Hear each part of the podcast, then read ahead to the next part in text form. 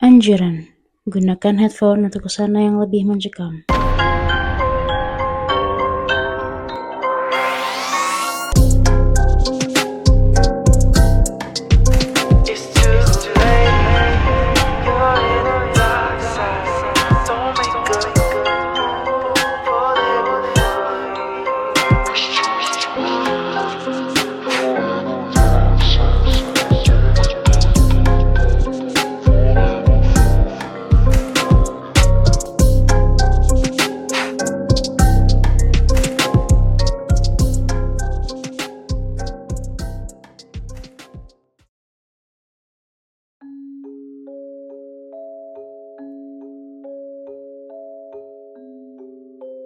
Sudah menjadi kebiasaan bagi seorang tukang sablon di Rukomara, Malaysia, Azrul, untuk bekerja sendirian hingga lewat tengah malam.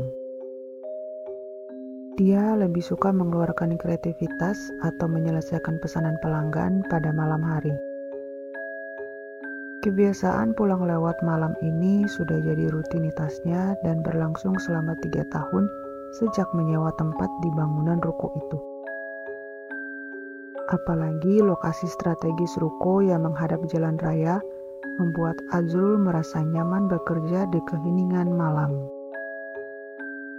Namun, kejadian diganggu oleh seorang gadis membuat Azrul merasa tidak nyaman. Dia tidak berani lagi meneruskan rutinitas pulang malamnya. Mengingat kejadian seram malam itu, mata Azrul hanya berfokus pada layar komputer untuk menyelesaikan pekerjaannya. Saat asyik dengan pekerjaannya, sesosok gadis dengan pakaian lusuh dan celana panjang tiba-tiba muncul di depan tempat kerjanya. Setelah masuk, gadis itu hanya duduk di kursi plastik yang tersedia untuk pelanggan di dekat pintu. Gadis misterius itu tak mengucapkan sepatah kata pun. Azrul yang sedang sibuk berusaha memalingkan pandangannya ke arahnya. Azrul ingin melihat wajah gadis itu yang tersembunyi di balik rambutnya yang hitam dan panjang tergerai hingga sepinggang. Namun usaha Azrul sia-sia karena gadis itu terus menundukkan kepala sambil menatap layar ponsel Nokia yang sudah sangat jadul.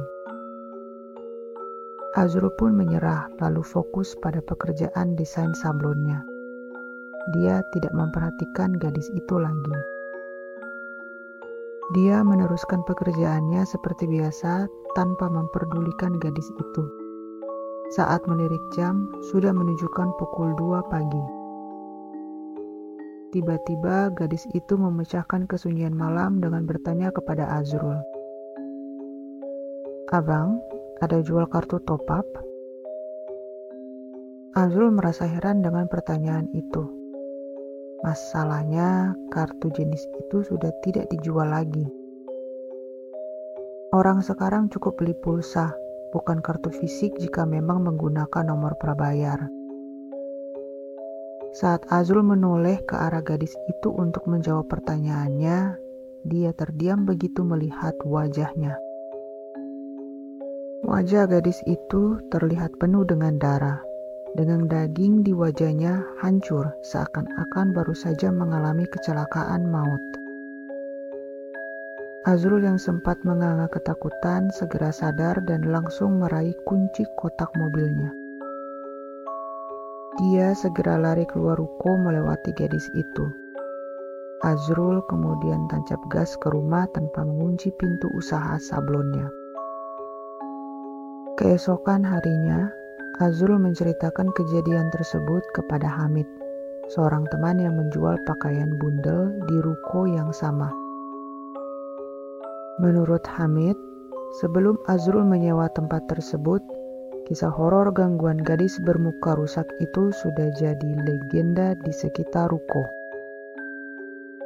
Makhluk itu mungkin jelmaan gadis yang terlibat dalam kecelakaan ketika motornya ditabrak truk di depan ruko pada tahun 90-an. Namun, insiden tersebut tetap menjadi misteri karena jasadnya belum juga ditemukan. Hal ini menyebabkan arwahnya penasaran dan bergentayangan di lokasi kejadian hingga saat ini.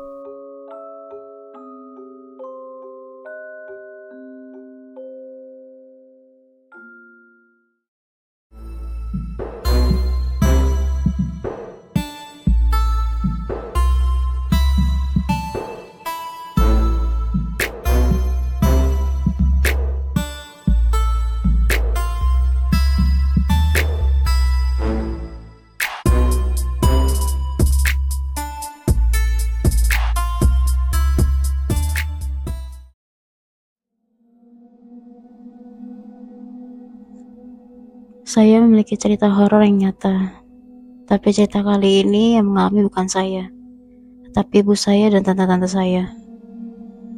Kejadian ini terjadi di tahun 2005. Saat itu kami mengontrak di sebuah rumah di Galaksi Bekasi.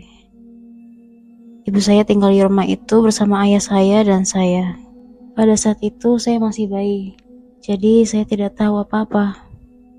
Di saat itu, ayah saya sering pergi ke luar kota karena tugas pekerjaannya. Jadinya, beliau jarang berada di rumah.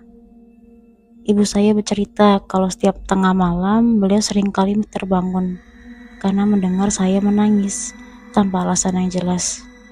Di saat yang sama, beliau juga selalu mendengar suara aneh dari dalam lemari. Seperti ada yang bersembunyi di dalamnya. Kan tetapi setelah diperiksa tidak ada apa-apa di dalamnya. Beliau juga pernah bercerita kalau kadang-kadang radio yang berada dalam kamarnya suka berbunyi sendiri.